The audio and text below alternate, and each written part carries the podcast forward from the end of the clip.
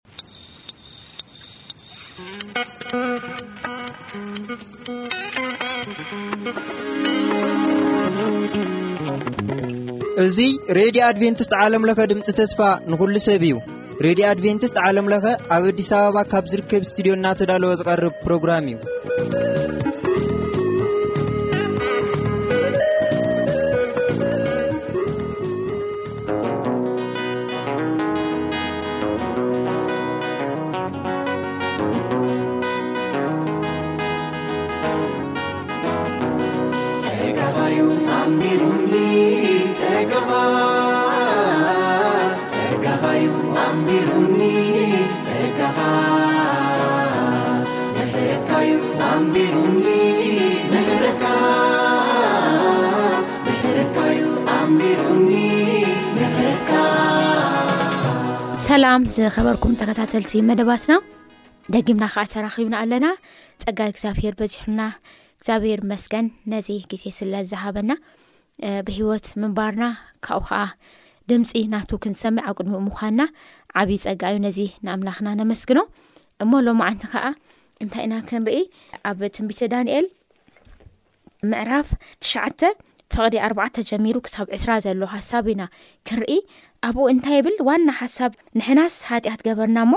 ሕናሲ ካብ ትእዛዛትካን ካብ ፍርድኻን ስለ ዘግለስና በጃኻ ተዘከርና በጃኻ ለምምነና በጃኻ ይቕረበለና ድብል ኢና ክንርኢ ማለት እዩና ኣብዚ ኣብ ካብ ክልተ ሽ ዓስተ ኣርባዕተ ናብ ዓስተ ሓሙሽተ ሸጊርና ኣብ ዘለናዮ ግዜ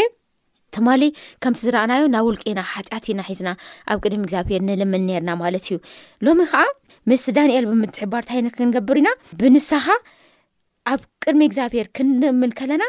ብዛዕባ ሓጢኣት ህዝቢ ብዛዕባ ናትና ሓጢኣት ኢልና ናይ ባዓልናይ ናይ ህዝብናይ ሓጢኣት ሂዝና ኣብ ቅድሚ ኣምላኽ ንፀንሐሉ ግዜ እዩ ዝኸውን ፀሎት ክንገብር ኣቦ ብርሃናት ዝኾንካ እግዚኣብሔር ሎሚ እውን ብዘይተወደኣ ምሕረትካ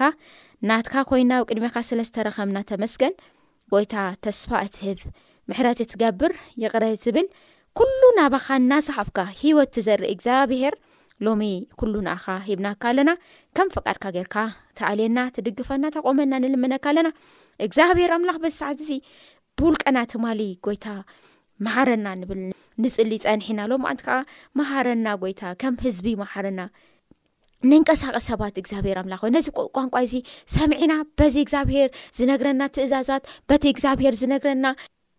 ስርዓትን ሕግን ብዘይምኻድና ኣባና ብዝመፀ ኣበሳ ኣባና ብዝመፀ ስቓይ ኣባና ብዝመፀ ኣባ ዕረፍቲ ዘይብሉ ሂወት ሎሚ ውን ምሕረትካ ኣይተወደእን ሎሚ ውን ለውሓትካ ኣይተወደእን ሎሚ ውን ፍቅርካ ኣይተወደእን እሞ እግዚኣብሄር ንኣኻ ንበካ ኣባ ኣብ ምድረ በዳ ኮይና ኢና ንኣኻ ልንምነካ ኣብ ፀምፀም በረኻ ኮይና ኢና ንኣኻ ልንምነካ ጎይታ ንስኻ ግን ኣብቲ ዘይርአ ኣብቲ ፀምፀም ዝኾነ በረኻ ካብ ከውሒ ማይ ኣውፅኻ ሰስተኻ እግዚኣብሄር ንህዝብኻ በዚ ግዜ እዚ ተገለፅ ካብ ኩሉ ብላዓሊ ምሕረትካ ይርከበና ተባረኽ ተመስገን ብሽም ወድኻ ብኢየሱስ ክርስቶስ ኣሜን። ሕራይ ዝኸበርኩም ሰማዕቲ ሓጢኣትናን ሓጢኣት ህዝብናን ንእምን ኣለና ብትብል መዝሙር መደብና ክንጅምር ኢና ምሳና ጽንሑ በዛ መዝሙር እዚኣ ከዓ እናሓሰብና ብእውነት ብሓቂ እግዚኣብሄር ሎሚ ሓጢኣት ኮይኑ ንከይሰርሕ ኣባና ንከይንቀሳቀስ ኣባና ብትክክል ንኡ ተረዲእና ብሰላም ብዕረፍቲ ከይነብር ዝገበርና ነገር እንታይ እዩ ሓጢኣትና እናዘከርና በደልና እናዘከርና ሓጢኣትናን ሓጢኣት ህዝብናን ሒዝና ኣብ ቅድሚ እግዚኣብሄር ክንቀርብ ብፀሎት ኮይና እዛ መዝሙር ሰሚዕና ክንምለስ ኢና ጎይታ ምስ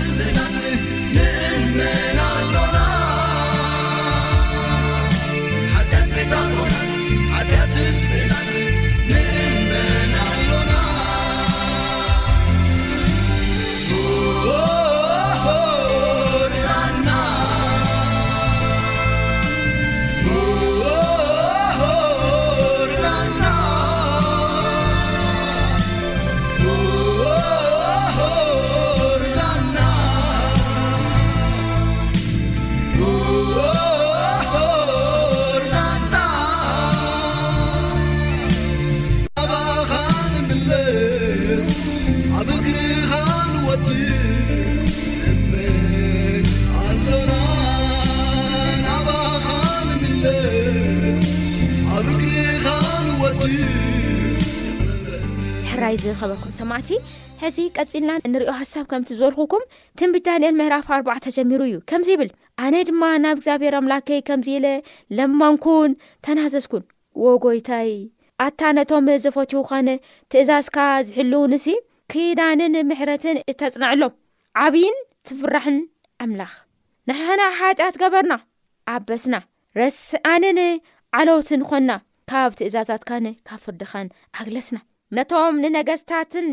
ንመናፍስትን ናቦታትናን ንኩሉ ህዝቢ ሃገርን ብስምካ እትዛረቡ ባሮትካ ነብያት ከዓ ኣይሰማዕናዮም ጎይታየ ንኣኻ ፅድቅ ናና ግና ነቶም ሰብ ይሁዳን ነቶም ኣብ የሩሳሌም ዝነብሩ ነቶም ብሰሪታ ንኣ ንኣኻ ዝጠለሙላ ጥልመት ኣብተን ዝሰጎግካዮም ኩለን ሃገራት ኣብ ቀረባን ርሑቕን ዘለዉ ኩሎም እስራኤል ከምዚ ሎሚ ኮይኖም ዘለዉ ሕፍረት ገጽ እዩ ይብል። እንታይ እዩ እቲ መሰረቱ? እንታይ እዩ እቲ ሕፍረት ገጽ ክኸውን ዝገበሮም? ስርዓት እግዚኣብሄር፣ ሕግታት እግዚኣብሄር፣ መንገዲ እግዚኣብሄር ስሕትና። ስለዚ ወሲዶምና ኣጉዕዞም ወሲዶምና መንጢሎምና ለለና ነገር ኩሉ ኣድኪሞምና ይብል ኣሎ ዳንኤል ይጽሊ እዩ ዘሎ እሞ ኣነሲ ኣባኹም ብዘለኒ ጸጋ ብዘለኒ ሓይሊ ብዘለኒ ርድእሲ ኣባኹም ጸንዐ ንክነብር ዘሌኒ ከዓ እግዚኣብሄር እዚ ፀሎት እዚዩ ይብላ ኣሎ ዳንኤል እና እንታይ ይብል ኣሎ ዳንኤል ክንብል ከለና ትማሊ እንታይ ኢልና መሓረኒዎ ትማሊ መሃረኒ ኢላና ንፀንሕ ኔርና ጎይታ ምእንተ ሽምካ ኢልካ ምእንተ ወድካ ኢልካ ምእንተ ንኣባይ ጠቢቑ ላቸገረኒ ዘሎ ሓጢኣተይ መሓረኒ ኢልና ነርና ሓጢኣት ክናዘ ዝመፅ ሰብ ሰለስተ ነገር ክገብር ከም ዘሎ ርኢና ነርና እቲ ሓደ እግዚኣብሔር ምሕረት ዝገብር ኣምላክ ከም ዝኾነ እንተዘይኣሚንና ልማኖና ከንቱ እዩ ዝኸውን ስለዚ እግዚኣብሔር ምሕረት ዝገብር ምዃኑ ብምእማን ናብ እግዚኣብሔር ክንመፅእ ሕድሕድ ሰብ ብውልቀ ፊት ንፊት ምስ እግዚኣብሄር ክራኸብ እዚ ኢልና ነርና ካብኡ እዚ ልመና እዚ ዘቕርብ ሰብ ከዓ ምሕረት ዘድልዮ እዩ ብበዓሉ ብስራሕ ብምናምን ብምናምን ንበዓሉ ለደለበ ወይ ከዓ ልመልኦ መሊኡለይ ዝብል ሰብ ኣይኮነን ኣብ ቅድሚ እግዚኣብሄር ምሕረት የድልየኒ እዩ ጎይታ ሞ ምሕረት ካባካ እዩ ርድኣኒ ንዝበለ ሰብ እግዚኣብሄር ከምዝረድእ ካብኡ ከዓ ነቲ ንዘለዮ ምሕረት ንክቅበል ከዓ ዓርሱ ለዳለዊ ክኸውን ኒኦዎ ዓርሱ ድልዊ ክኸውን ኒኦዎ ዝብል ሓሳብ ኢና ብትማሊ ርኢና ማለት እዩና ሎምዓንቲ ግን ከም ህዝቢ ከም ዓዲ ከም እግዚኣብሄር መንነት ኣብ ቅድሚ እግዚኣብሄር እንታይ ኢና ሒዝና ንቐርብ ዳንኤል እንታይ ይብለና ምስ ዳንኤል ኢና ተሓባቢርና ኣለናናና እግዚኣብሄር ብዛዕባ ውልቀ ተዘይኮነስ ብማሓበር ከዓ ብዝሠራሕናዮ ሓጢኣት ንስሓ ኣብ ቅድሚ እግዚኣብሔር ክንቀርብ ምሕረቱ ክንልምን እዚ ሓሳብ እዚ ይዛረብ ማለት እዩ ምንም እኳ ዳንኤልሲ ንኣምላኹ ፍቓድ ልኽተል ንኣምላኹ ሓሳብ ዝፍጽም ሰብ እዩ ነይሩ ዳንኤልሲ ሕያዋይ ዝኾነ ሰብ ከም ዝነበረ መጽሓፍ ቅዱስ ይነግረና ኮይኑ ግን ነቲ ህዝቢ ሓጢኣቱ ከም ናይ ባዕሉ ሓጢኣት ብምቁጻር በዲልና ኢና ክፉእ ጌርና ኢና እናበለ ብንስሓ ክመላለስ ከሎ ኢና ንርኢ ማለት እዩ ስለዚ ሕና እውን ናይ ዳንኤል መንፈሳ ውሽጥና ክህሉ ማለት እዩ ሕዚ ስለ ዝፈፀምናዮም ብምሉኣ ክፍት ክፉእ ወዲ ሰብ ወርትግ ልቡ ልቡ በቃ ክፉእ እዩ ወርትግ በቃ እዩ ልብል መፅሓፍ ቅዱስ ወርትግ ወርትግ ኩሉ ሻዕ ክፉእ እዩ ዝጠብቁ ወዲ ሰብ ማለት እዩ ግን እግዚኣብሄር ቅዱስ መንፈስ ከፅሪኡ ከሉ ከዓ ዝፀር ሰብ ከም ዝኾነ ኢና ንርኢ እንታይ እዩ ሕዚ ክንገብር እሞ ንብለና ኣብ ምድና ብዝተፈፀመ ክፉእ በደል ካብ ፍቕሪ ኣምላኽ ካብ ሕጊ ኣምላኽ ዘወር ናይ ዝበልናዮ ፅልኢ ናይ ዝተኸልናዮ ኣቦ ዓበይቱ ኣቦ ይቅረ በለና ክንብል ማለት እዩ እዚ ናይ ዳንኤል ፀሎት እዚ ቀጢልና ንክንፅሊ ሎሚ እግዚኣብሄር ይእድመና ዝኸበርኩም ስድራ እግዚኣብሄር እሞ ከምዚ ይብል ትንቢ ዳንኤል ምዕራፍ ትሸዓተ ፈቕዲ ኣርባዕተ። ኣነ ድማ ናብ እግዚኣብሄር ኣምላኸይ ከምዚ ኢለ ለመንኩ፣ ተናዘዝክዎን፣ ዎጎይታይ፣ ኣታ ነቶም ዝፈትዉኻን፣ ትእዛዛትካ ዚሕልዉንሲ፣ ኪዳንን ምሕረትን እተጽንዐሎም ዓብዪ ትፍራሕ ኣምላኽ። ንሕና ሓጢኣት ገበርና፣ ረሲኣንን ዓሎትን ኮይንና፣ ካብ ትእዛዛትካን ካብ ፍርድኻን ኣግለስና። ነቶም ነገስታትን ነቶም መሳፍንትን ናቦታት ንኩሉ ህዝቢ ሃገርን ብስም እተዛረቡ ባሮትካን ነቢያትን ከኣ ኣይሰማዕናዮም ይብል ማለት እዩ ስለዚ ተራኸበና ዘክረና ጽቡቅ ጻንሒት እዩ ዘለና እሞ ቀጺልና ሕዚ እውን ከነንብብ ትንቢት ዳንኤል ምእራፍ ትሽዓተ ፍቅዲ ሓሙሽተ ጀሚርና ከምዚ ይብል ንሕና ሓጢኣት ገበርና ዓበስናን ረሲዓንን ዓለውትን ኾንና፣ ካብ ትእዛዛትካን ካብ ፍርድኻን ኣግለስና። ነቶም ንነገስታትናን ንመሳፍንትናን ንኣቦታትናን ንኵሉ ህዝቢ ሃገርን ብስምካ እተዛረቦ ባሮትካ ነብያት ከኣ ኣይሰማዕናዮም። ጐይታይ፣ ንዓኻ ጽድቂ እዩ፣ ንኣና ግና ነቶም ሰብ ይሁዳን ነቶብ ኣብ የሩሳሌም፣ ንዝነብሩን ነቶም ብሰሪ'ታ ንኣኻ ዝጠለሙላ ጥልመት ኣብተን ዝሰጎካዮም ኩለን ሃገራት ኣብ ቀረባን ርሑቅን ዘለው ኩሎም እስራኤል ከምዚ ሎሚ ኮይንዎ ዘሎ ሕፍረት ገጽ እዩ ይብል ዳንኤል ክዛረብ ከሎ እቲ መልዐሊ ናዚ ሃሳብ እንታይ እዩ ሕግን ስርዓትን ጎይታ ከምህር ከሎ ነቲ ሕግን ስርዓትን ብዘይ ምክታሎም እስራኤል ዝበጽሖም ኣበሳ እዩ ማለት እዩ እሞ ከኣ ዳንኤል ክንሪኦ ከለና እሱ ንእግዚኣብሔር ሕጊ ክፍጽም ልገበረ ሰብ እዩ እኒኦ ማለት እዩ ግን ነቲ ናቲ ሕዝቢ ሓጢኣት ናቲ ሕዝቢ በደል ናቲ ሕዝቢ ምትሕላፍ ብእምነት ኮይኑ ካቅርብ ከሎ ኢና ንርኢ ማለት እዩ እዋ ጎይታየ በድልና ካይና እሞ ንኣና ነገስታትናን መሳፍንትናን ኣቦታትና እውን ሕብረት ገጽ እዩ ንሕና ካብኡ ጸሊእና ኢና እሞ ምሕረትካን ይቅርታንሲ ኣብ እግዚኣብሔር ኣምላኽ እዩ ምሕረት ካባካ እዩ ይቅርታ ካባካ እዩ በድልናካ ኢና እሞ ነገስታትና ንመሳፍንትና ንኣቦታትና እውን ሕፍረት ገጽ እዩ ንሕና ካብ ኩሉ ጸሊና ኢና እሞ ምሕረትካን ይቅርታካንሲ ኣብ እግዚኣብሔር ኣምላኽ እዩ ንሕና ደሓይ እግዚኣብሔር ኣምላኽና ኣይሰምዓናን በቲ ብባሮቱ ነቢያት ገይሩ ኣብ ቅድሜና ዘንብሮ ሕግጋት ኣይተመላለስናሉን ኩሉ እስራኤል ሕጊ ኣፍረሰ ዳሃይ ክሰምዕ ኣግለሰ ዳሃይ ከይሰምዕ ኣግለሰ በድልና ኢና እሞ ስለዚ እቲ ብህጊ ሙሴ ባርያ እግዚኣብሔር እተፀሓፈ መርገምን ማሃለላን ወረደና ይብል ማለት እዩ ክብራ ስድራ እግዚኣብሔር ንእግዚኣብሔር እንተበድልናዮ ካብ መንገዱ እንደስሒትና ሕጉን ስርዓቱን ትእዛዛቱን ሂዝና እግዚኣብሔር ብዝህበና ነገር እንተዘይተጓዓዝና እግዚኣብሔር ብዘልዮ መንገዲ እንተዘይተጓዓዝና ብዙሕ ልሰናኸል ነገር ኒዮ ኣምባና ኣምላኽ ያቆብ ከዓ መዕቆቢና መዕረፊና እዩ ሞ በዚ ኣምላኽ እዚ ኮይና ክንርኢ ይነግርና ማለት እዩ ሕና እሞ እዚ ተመሳሳሊ ነገር ከይንብል በደል ከይንፍፅም ካብቲ ናይ ኣምላኽና ናይ ፍቕሪ ሕጊ ዘወር ከይንብል ጽልኢ ኣብ ውሽጥና ተኺልና ጽልኢ ብምግባር ኣቦ በጃኻ ይቕረ በል እናበልና እዚ ናይ ዳንኤል ጸሎት ካብ ልብና ክንጽሊ እኔና ከም ዳንኤል ጸሎት ክንለማም እኔና ክብራት ስድራ እግዚኣብሔር ኣንተዘይኮይኑ ግን ወዮ ጠፋእና ዓምቲ ጴጥሮስ ዝበሎ ጥፍዓት ኣብ መደግ ኣፍና ከይመጽእ ክንገብር ሕዚ ከዓ ካልእ ነገር ይብል ዳንኤል እንታይ ይብል ኩሉ እስራኤል ሕግካ ኣፍረሰ ደሃይካ ከይሰምዐ ኣግለሰ በድልና ኢና እሞ ስለቲ ኣብ እቲ ብሕጊ ሙሴ ባርያ እግዚኣብሔር እተጻሕፈ መርገምን መሓላን ወረደና ከምቲ ኣብ የሩሳሌም ዘወረደ ኣብ ትሕቲ ኩሉ ሰማይ ከቶ ከምኡ ኮይኑ ዘይፈልጥ ዓብዪ መዓት ናባና ብምውራዱ ንሱ ነቲ ኣብ ልዕሌናን ኣብ ልዕልነቶም ዝፈርድሉን ፈራዲኦም ዝጠለቃ ቃል ኣጽንኦ ይብለና ማለት እዩ እዚ ኣብዚ እንታይ ኢና ንርኢ ምሕረት ካብ እግዚኣብሔር ክንቅበል ከም ዘለና እቲ ምሕረት ከኣ ኣብ ሕጊን ኣብ ስርዓትን ኣምላኽ ተደሪኩ ክወፅእ ከም ዘለዎ ኢና ንርኢ ማለት እዩ ስለዚ ይቅፅል እሞ ዓሰርተ ሓሙሽተ ዳንኤልታ ይብል ወ እግዚኣብሔር ሕጂ ድማ ወ እግዚኣብሔር ኣምላኽና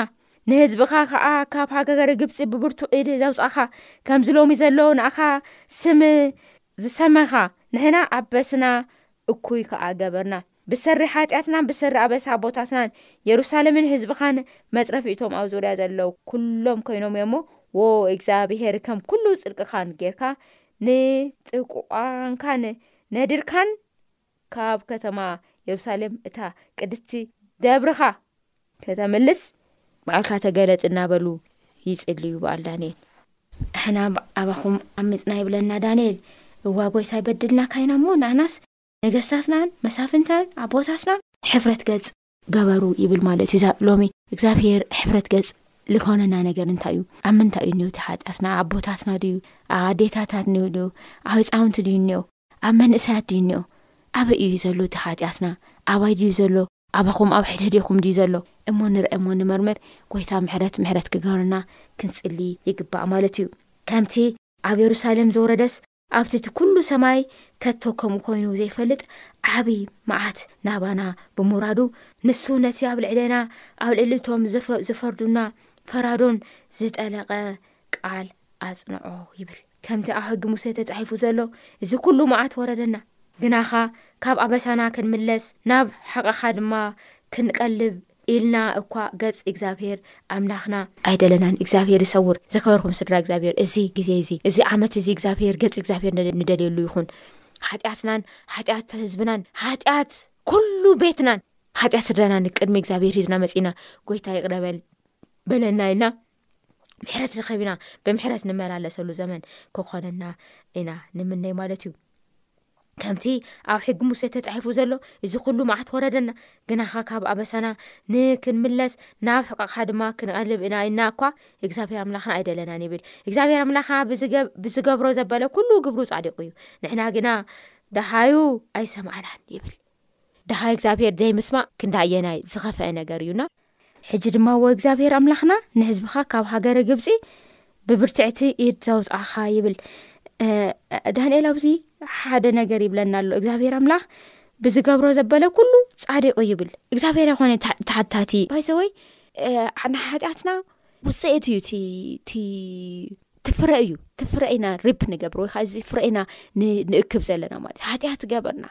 በደል ገበርና ምትሕላፍ ገበርና ድምፅካ ይሰምዓና ዩ መንገድካ ስሒትና ከይድና ይብል እና እግዚኣብሔር ንስኻ ግን ፃዲቅኻ በዚ ነገር እዚ ተሓታቲ ኣይኮንካ ይብለና ማለት ሎሚ